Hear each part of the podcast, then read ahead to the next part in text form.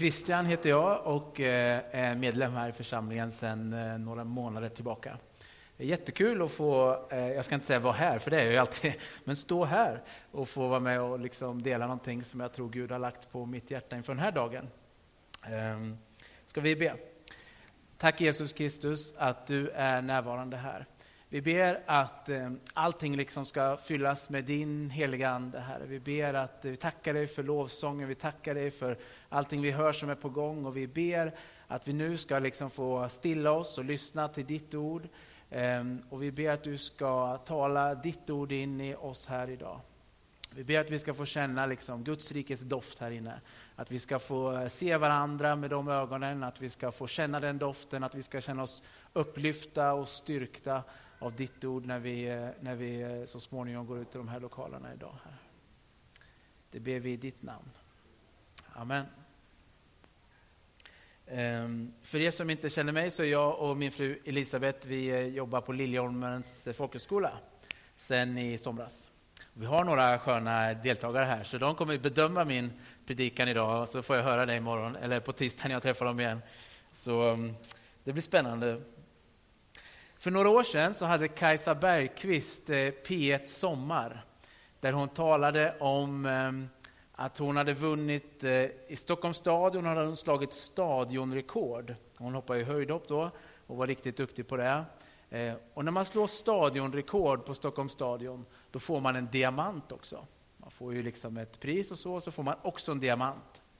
Och när hon står där på eh, plats nummer ett, högst upp på podiet, så får hon den här diamanten i sin hand. Och hon blir superlycklig över det här förstås. Och hon säger att hon knyter handen där kring den diamanten och hon krampaktigt håller fast där hela dagen. Hon vågar liksom inte öppna och titta på den för hon är rädd att hon ska tappa den här diamanten. Ehm, och senare då, dagen efter, eller om det var samma kväll, så ska de, eh, släkten samlas och fira Kajsa.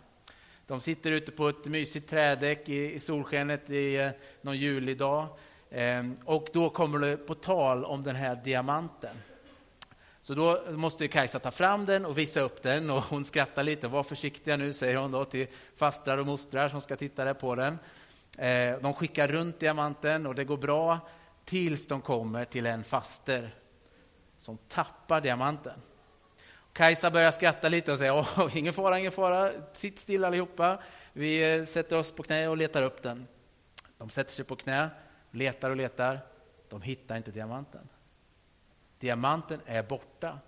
Den här fasten, hon går liksom upp i limningen och börjar gråta stort. Hon får gå in, någon får ta hand om faster medan de här liksom, eh, männen och kvinnorna där ute på trädäcket tar undan stolar och så och börjar leta, lägga sig på knä. Och de upptäcker att de här springorna i trädäcket är precis lagom för att en diamant ska kunna slinka igenom dem. Och ni som har ett trädäck hemma, ni vet att eh, det är inte så eh, kanske rent under ett trädäck, utan det ligger ganska många års löv och fukt och smuts där.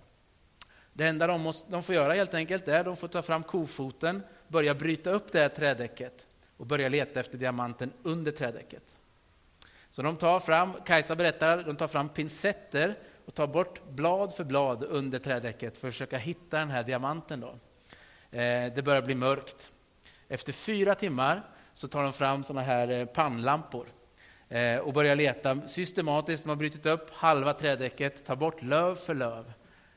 Eh, och sen till slut, sex timmar efter att de tappar diamanten, fasten inne i huset har... Eh, ja, det gick bra för henne också, ska jag säga. Men hon har varit väldigt nervös i sex timmar. De hittar diamanten.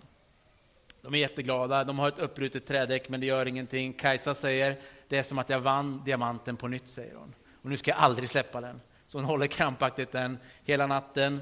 Dagen efter så ringer hennes agent och pratar med henne lite. Och då så berättar hon den här roliga historien, som ju är rolig just eftersom de hittar diamanten. Ehm, och eh, ja, så förstår du där att ja, vi letar, vet du, vi bröt upp trädäcket och så hittar vi den efter sex timmar letar vi efter den. Till slut hittar vi den. Och så säger agenten på telefon.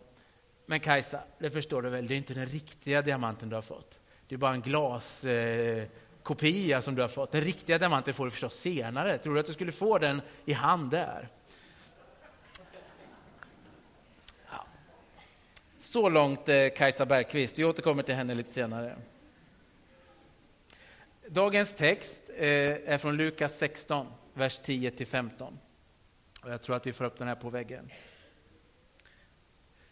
Den som är trogen i smått är trogen också i stort. Och den som är ohederlig i smått är ohederlig också i stort.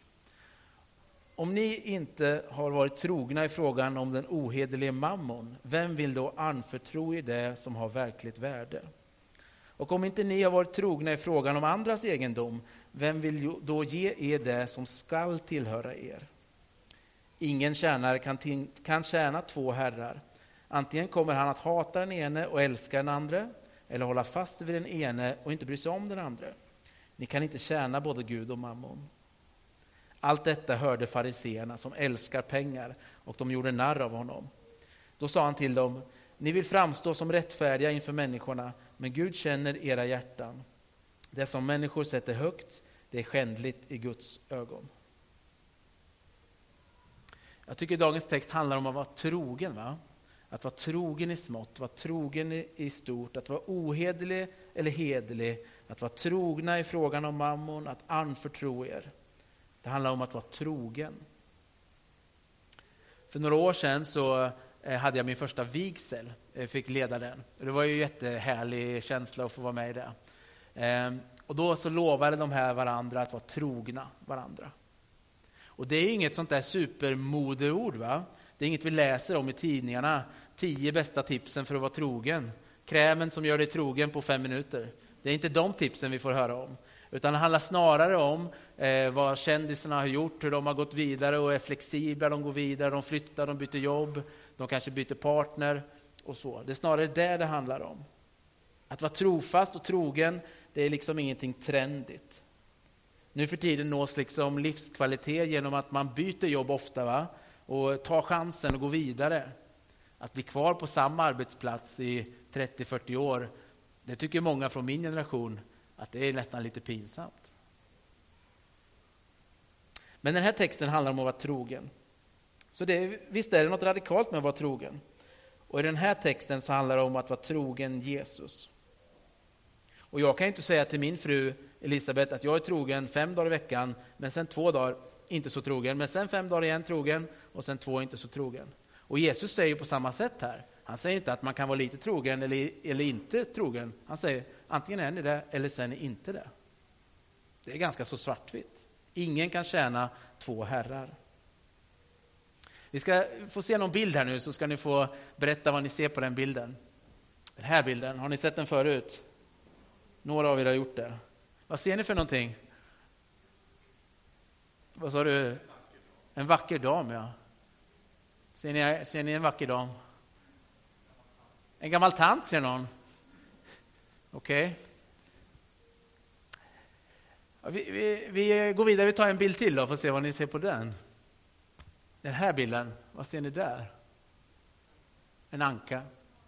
En hare? En ankhare? Ja, det är en kompromiss. Ja, men precis, där ser man en anka, va? näbben sticker ut där eh, och sen ögat där uppe till höger. Eller så ser man en hare, att det där som sticker ut är två stycken öron på haren. Ser ni det nu allihopa, båda två?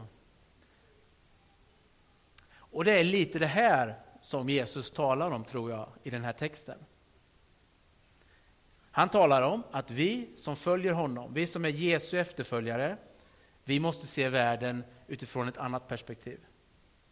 Guds rikes perspektiv, inte från mammons perspektiv som man tar upp som det negativa i den här texten. Va? Vi ska vara trogen Guds rikes perspektiv. Och det är det vi ska följa efter, det är det vi ska lukta, det är det vi ska dofta, det är det vi ska lysa. Inte det här mammon, det egoistiska eller jordiska.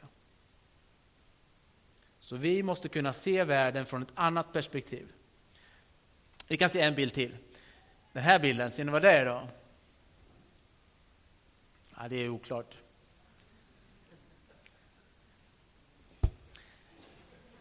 Ja, jag hör någon som mumlar något här. Det är min brorson Leo. Han eh, ropade på mig och sa Kolla Christian, kom får du se vad jag har målat. Åh, vad fint, sa jag. Vad är det för någonting? Det är ju du, sa han. Självklart, det är du. Det är ju lite likt får jag säga, men eh, ja, vi kan ta bort den bilden. Men det var mest för att visa att man ser världen ur olika perspektiv. Leo, min brorson, ser på mig på ett perspektiv och jag kanske har lite annorlunda perspektiv. Så, dagens rubrik för den här predikan är att vara goda förvaltare. Och vad har vi då att förvalta? Och Lena har redan nämnt några saker som jag tänkte återkomma till. Eh, men det handlar om olika slags tillgångar va? som vi har fått till oss. De saker som jag kommer ta upp idag, det finns ju fler. Men det första är ju då jordens tillgångar som vi har fått att förvalta, alltså miljön och jorden.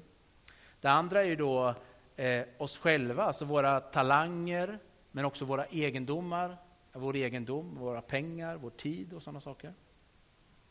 Och det tredje som jag tänkte ta upp, det är angående våra relationer, församlingen och våra relationer. När jag var 15-16 år, någonting, då lånade jag ut en CD till en tjej. Eh, Anna kan vi kalla henne, hon hette det. Eh, hon, eh, någon månad senare kom jag hem till henne och då så eh, hittade jag den här CDn. Och så höll jag upp ja, Anna, här är min eh, CD, kan jag få tillbaka den nu? Och då när jag håller upp den så ser jag på baksidan, uppe i hörnet, hon satt upp ett litet klistermärke, tillhör Anna. Ni vet sådana där små klistermärken som de satte på sina grejer, som vissa kanske gör fortfarande. Ehm, en sån hade hon satt på, på min John Bon Jovi-hitsskiva. Och jag frågade henne då, eh, liksom, eh, var det här min skiva? Jag var, liksom, jag var inte osäker, men jag visste inte riktigt hur jag skulle reagera. Men då säger hon, nej men det där är, det är min skiva, säger hon. Men jag har inte sett den skivan sedan dess. Men precis på samma sätt tycker jag att vi gör med de tillgångar som vi har fått. Vi är väldigt snabba med att sätta vår lilla klistermärke på dem och säga, det här är min. Ah, det här huset, på Kinnlyckevägen, det är ju Christians hus. Klistermärke på det. Ja, den här bilen, det är Christians. Klistermärke på den. Den här eh, telefonen, Christians. Klistermärke på den. Medan allting har vi egentligen fått på lån va? av Gud, av Herren. Och allting där ska vi förvalta på ett bästa möjliga sätt. Inte sätta våra egna klistermärken och säga det här är mitt. Och I den här texten så eh, jämför ju eh, Jesus då mammon med det här gudsrikesperspektivet. Och mammon i Bibeln, det är ju ett eh, hebreiskt ord som står för jordisk egendom. Alltså jordisk egendom, egendom vi har här på jorden. Och ganska ofta när Jesus talar om det så kan man nästan sätta ett likhetstecken mellan egoism och mammon. Alltså det jag själv vill ha, det jag själv roffar åt mig. Och min fråga idag det är då, har vi Guds rikes perspektiv eller egoistens perspektiv, alltså mammons perspektiv. Och det första vi kollar på då är jordens tillgångar. och Jag ska bara prata kvickt om det. Men i Första Mosebok så står det att vi skapades till den här världen också för att förvalta den här världen. Och Kyrkan har ibland liksom levt lite i bakgrunden där och inte, inte, haft den, inte höjt den rösten för miljön. Nu tycker jag att det börjar ändra sig lite på det, men det kanske har med att hela att det börjar bli en större miljömedvetenhet överhuvudtaget. Men vi borde ju stå längst fram och säga att Guds skapelse är värd att vårda. Guds skapelse är värd att försvara. Guds skapelse är värd att eh, protestera kring, kring eh, orättfärdiga saker som sker med den. Och egoisten resonerar ju, ja men så länge jorden och jag kan bruka den på ett sätt som får mig till vinning, alltså mig själv till vinning, så är det, räcker det. Good enough. Men en Guds perspektiv, det handlar om något så mycket större. Det andra jag tänkte prata lite mer om, det är våra tillgångar. Alltså mina tillgångar, om jag får säga så. Då. Och om vi, om vi talar om våra gåvor först, som vi alla har fått olika gåvor. Va? Vi har hört gåvor här redan, kring sång och så. Och Gud har ju skapat oss med många olika talanger och gåvor. Och de är ju då värda att förvalta på ett bra sätt. Och hur förvaltar jag dem på bästa sätt? Är det att trycka undan dem och tänka det här är, vill jag inte, det här vågar jag inte? Eller är det kanske snarare att våga, att lyfta fram dem, att utmana sig och på det sättet få sprida ljus och Guds rikes doft och eh, utmana andra personer till att testa och våga. Så allt det vi har fått i oss, det är i oss av en anledning. Och det är ju för att avspegla Gud. Va? till människor runt omkring oss. Så när vi använder det så gör vi det. Magnus Malm, en eh, predikant, eh, han skriver någonting i stil med att eh, när vi blir som mest människa, då är vi som närmast Gud. Så det finns ingen skillnad på det. En del tänker att så länge vi liksom svävar iväg så mycket som möjligt någonstans, ja, då kommer vi nära Gud. Men Magnus och jag och Bibeln, skulle jag vilja påstå, säger att när vi blir som mest människa, då kommer vi som närmast Gud. För det är det vi skapade till.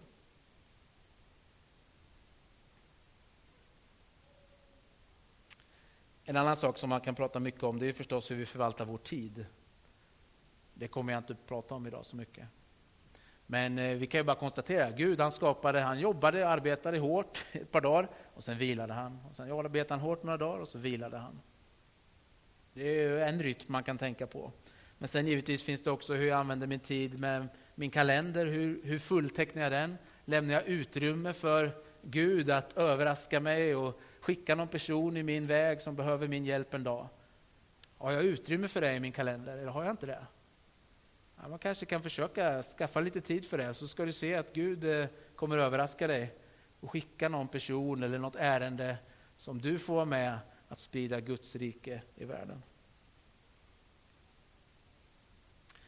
Och nu tänkte jag också prata lite om det här som mammon talar om. Det är dels vår egendom och tillgångar, men det är också våra pengar förstås. Så ni som vill gå ut nu och fika kan göra det. Nu ska vi tala lite om pengar. Och om jag kollar på Bibeln, hur många gånger ordet tro står i Bibeln? Vad tror ni? Hur många gånger? Vad tror ni? Hur många gånger står ordet tro i Bibeln? Släng ut en siffra bara, jag kommer inte... 77? Ja ja det är lite mer. 365, bra gissning. Lite mindre, ja. 200 gånger står det. 200 gånger. Och bön då, hur många gånger står det? Hur många gånger står det om bön i Bibeln? Det var ganska många gånger. 500, rätt. Bra. Och pengar då, hur många gånger står det i Bibeln om pengar? Ja, nu tror ni att jag kommer säga att det är mycket mer. Ja, och det är det också.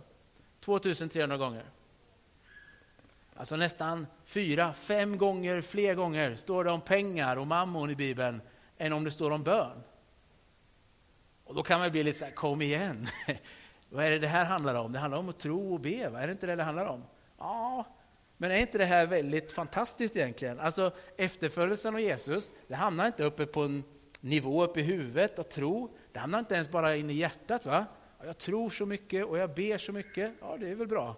Men det går hela vägen ner i plånboken. Hela vägen ner i plånboken. Man kan säga att det går ner i hjärtat och ut i armarna och ner i plånboken. Efterföljelse är hela livet. Det handlar inte om en god tanke en söndag förmiddag. Snarare tvärtom, skulle jag säga. Det handlar mycket mer. Efterföljelse i sig är ju ett ord som markerar att jag går efter någon.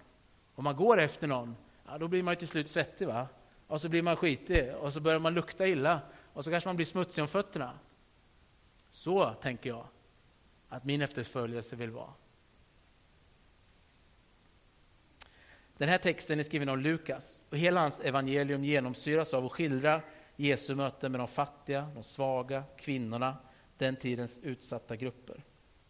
Och Lukas hjälper oss att reflektera kring hur riskfyllt det är att tas upp för mycket av de här jordiska egendomarna. Eftersom det kan bli ett hinder för vår kallelse att älska Gud och vår nästa. Och vi får i hans evangelium en massa råd kring hur man ska handskas på det här sättet. Och Det är intressant att se vad Lukas skriver. För han skriver inte, eller snarare så här, jag ska säga, han skriver så här, korta små koncisa råd. Här får ni välja, det eller det. Här får ni välja, det eller det. Va? Mammon eller Guds rike? Okej, okay, då får jag välja. Det finns inte liksom en medelväg. Och att inte välja, det blir också ett beslut. va? Att glida med och tänka, ja, men jag undviker den, det valet. Nej, man får välja mellan Guds rikes perspektiv eller egoistens perspektiv. Ingen kan tjäna två herrar. Väljer man att tjäna den ena, då väljer man bort den andra. Därför måste vi fatta ett beslut. När jag och Elisabeth eh, precis hade blivit tillsammans, vi hade nog förlovat oss tror jag, då skulle vi, eh, eh, gick vi till banken och skulle slå upp våra konton. och det var en intressant upplevelse. Vi träffade en banktjänsteman där ute och berättade för henne, hej, ja, vi har förlovat oss, vi ska gifta oss här i sommar och vi vill slå upp våra konton. Vi vill ha ett kontokort, eller två kontokort då, som går till samma konto. Där vill vi ha in vår studiemedel eller vad det var vi hade. Eh, och hon tittade på oss och sa, ja, som jag förstår det så vill ni ha två stycken kort som går till ett och samma konto. Ja, det stämmer. Ja, då tycker jag vi gör så här, sa Ni tar varsitt konto och så varsitt sparkonto och sen har ni ett gemensamt liksom, kortkonto som ni pytsar in lite pengar på ibland. Nej, det var inte det vi ville, sa jag. Utan vi vill ha ett konto tillsammans där vi får in våra pengar och där våra två kontokort ska gå till. Och så har vi det tillsammans. Ja, jag, jag hör vad du säger, sa men mitt förslag är då att ni har två konton, två sparkonton och så har ni ett gemensamt konto där ni pytsar över lite pengar ibland. Ja, ja, vi hör vad du säger, men vi vill ha ett gemensamt konto. Går inte det? frågar vi. Är det tekniskt omöjligt? Och till slut så går inte hon med på det här, utan hon går in i ett annat rum med en liksom glasvägg. Vi ser att det reser sig en liten man med lite gråa tinningar och vi börjar förstå att det här är hennes chef. Hon har gått in till sin chef här nu. Ehm, och så pekar hon lite på oss sådär, och så kommer den här chefen ut till oss och säger, jag har förstått att ni vill, och får jag höra det? Jag har förstått att ni vill ha ett gemensamt konto där två kort går till det här kontot. Stämmer det? Ja, det stämmer. Ja, då är mitt förslag, sa han, att ni får två olika konton, och två sparkonton och ett gemensamt konto där ni pytsar in lite pengar. Till slut fick vi igenom vår vilja. Och sen dess så har vi det så, att vi har ett konto där våra två kort går till. Men det är så intressant det här, va? För vårt samhälle idag, det är inte känsligt om man vill eh, flytta ihop och ha sex första kvällen. Det är inte känsligt om ett par vill eh, eh ska, ja, ingenting är otillåtet. Va? Allting, vi tolererar nästan allting idag. Men när det kommer till pengar, då blir det känsligt. Direkt blir det känsligt. Och banken sa ju, men det här tänker inte vi... Eh, det, det tog väldigt lång tid för oss att argumentera för att vi ville ha det så. Så det är intressant. Pengar är väldigt känsligt. Och jag tänker också så här då, om pengar är så känsligt, ja men då, då försöker vi göra det bästa vi kan av det. Va? Eh, så om vi varje gång vi tittar på vårt kontokort, vårt kreditkort, varje gång vi öppnar vår plånbok, eh, varje gång vi plockar fram vårt Swish-konto, tänker att det här kan få vara med och sprida Guds rike. För så tror jag vi måste tänka. Alltså pengarna i sig är ju inte onda. va? Det tror inte jag. Men den som har hand om pengarna måste förstå vad man kan göra av pengarna. Om jag tänker så varje gång jag tar fram mitt kontokort, då skulle jag nog avstå några köp tror jag. Om jag tänker så varje gång jag plockar fram min plånbok, att det här kan vara med och sprida Guds rike. Då skulle jag tänka annorlunda varje gång va? som jag startar. Istället för att tänka, vad kan jag få ut av mitt kontokort idag? Så tänker jag, vad kan, jag, vad kan mitt kontokort ge för skillnad i ett lite större evighetsperspektiv? Va? Istället för att jag ska få någonting nu. Augustinus, en gammal kyrkofader, han sa så här att vi måste se till att genom våra världsliga rikedomar nå de eviga rikedomarna. Vilken möjlighet att få använda de här tingen till att ära Gud. Och På så sätt så ser vi på ett annat perspektiv på pengar när vi följer Jesus Kristus. Vi ser en annan bild, vi ser ett annat perspektiv när vi tar fram vår plånbok. Ett perspektiv som har ett evighetsvärde.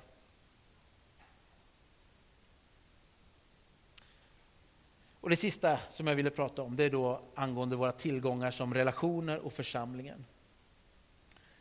Och om Gud har skapat dig så vill han ju förstås att du ska tjäna honom. Och det ska du göra där du är. Eh, ofta är det ju lätt att tänka att om jag bara når det här, om jag bara gör det här, om jag bara kommer dit, om jag bara kommer igång och be, om jag bara kommer igång och läsa Bibeln, då kommer jag så småningom kunna liksom tjäna Gud och då kommer jag så småningom kunna göra det. Och det är helt fel tänk. Utan Gud har satt dig på din plats där du är just för att du ska tjäna honom där du är just nu. Inte om en vecka. Va?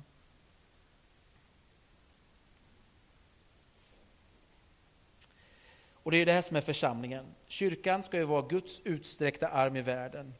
Och det här sker på ett mycket mer mänskligt sätt än vad vi tror. Alltså uppe här kan vi också tänka uppe i huvudet. Va? Om jag bara tror lite mer, om jag bara trodde som de där borta eller hon där, ja, då skulle jag ju få så mycket gjort och då skulle jag kunna vara den här utsträckta handen. Då skulle jag kunna få sprida Guds rikes perspektiv.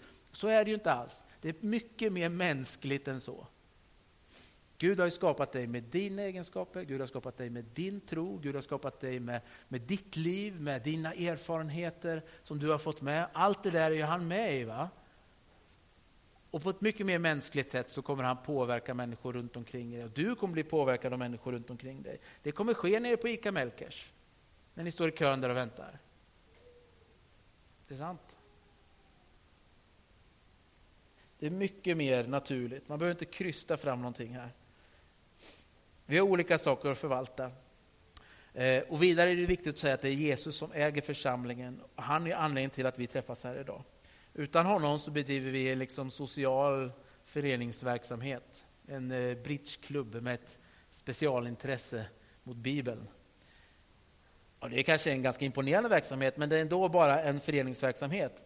Så det är Jesus som äger församlingen och det är honom vi ska lyssna in. Och även vi i Brokyrkan har ju någonting att förvalta. Va? Nu har inte jag varit med här så här superlänge, men vi har ju någonting att förvalta. De här lokalerna har någonting att förvalta. Vad ska vi fylla dem med? Vad ska vi göra i de här lokalerna? Vad ska vi göra med de här personerna som är anställda här? Vad ska vi göra eh, med eh, vårt samhälle Rimforsa här som vi har runt omkring oss?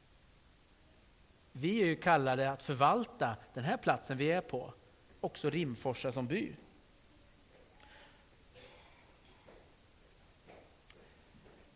Och vi har ett ansvar för vår lilla by här, att människorna i Rimforsa ska få drabbas av Guds oerhörda kärleksgåva. Och det här är inte något betungande, utan det är snarare något väldigt spännande. Va? Hur ska vi förvalta det här? Och när man börjar tänka på det och börjar be för det, då blir det ju jätteroligt.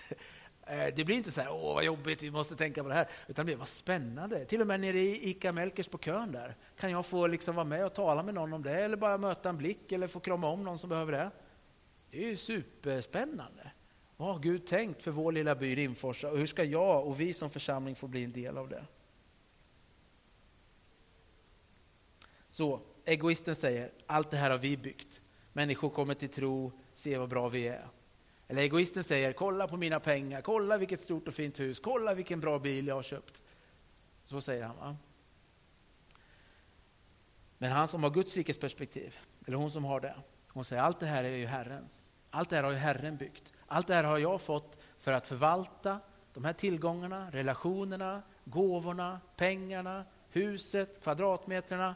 Allt det här har jag fått för att förvalta det, inte för mig. Jag ska inte sätta mitt klistermärke på det, utan det är för Guds rike. Och då blir livet mycket mer spännande.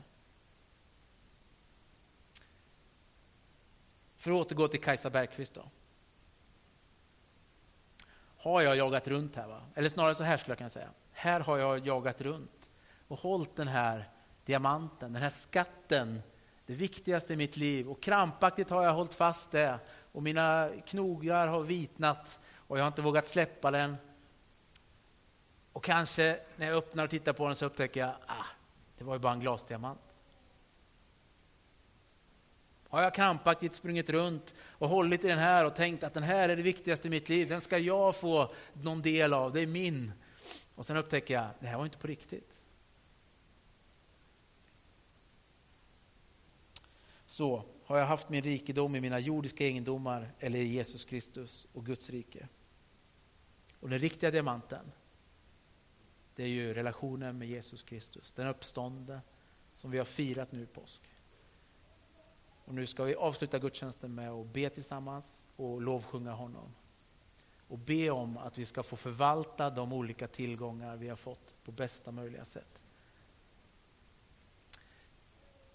Det finns möjlighet att tända ljus där och där nere. Man kan be framme och också där nere. Ska vi ställa oss upp och så ber vi tillsammans och så sjunger vi lovsång och sen får man givetvis sätta sig när helst man vill eller gå fram och be om bön eller tända ett ljus. Tack Jesus Kristus att du är här i den här lokalen just nu. Tack för allting du har gett oss och satt eh, till våra tillgångar. Tack för den här församlingen, våra relationer, våra gåvor, våra egendomar, våra pengar. Allting, Herre, vill vi liksom bara lyfta upp till dig nu och säga ta allt det här och gör vad du vill med det. Gör vad du vill med det, så att det blir ett evighetsperspektiv, ett Gudsrikets perspektiv, så det inte stannar vid Kristians perspektiv eller Brokyrkans perspektiv, utan det blir ditt perspektiv, Herre. Det vill vi med alla de här sakerna som vi har, som du har gett till oss, Herre. Och hjälp oss att plocka bort, liksom, skrapa bort de här klistermärkena som vi har satt på de här grejerna och istället eh, visa att vi vill använda det för ditt rike, Herre. Det ber vi i ditt namn, Jesus Kristus. Amen.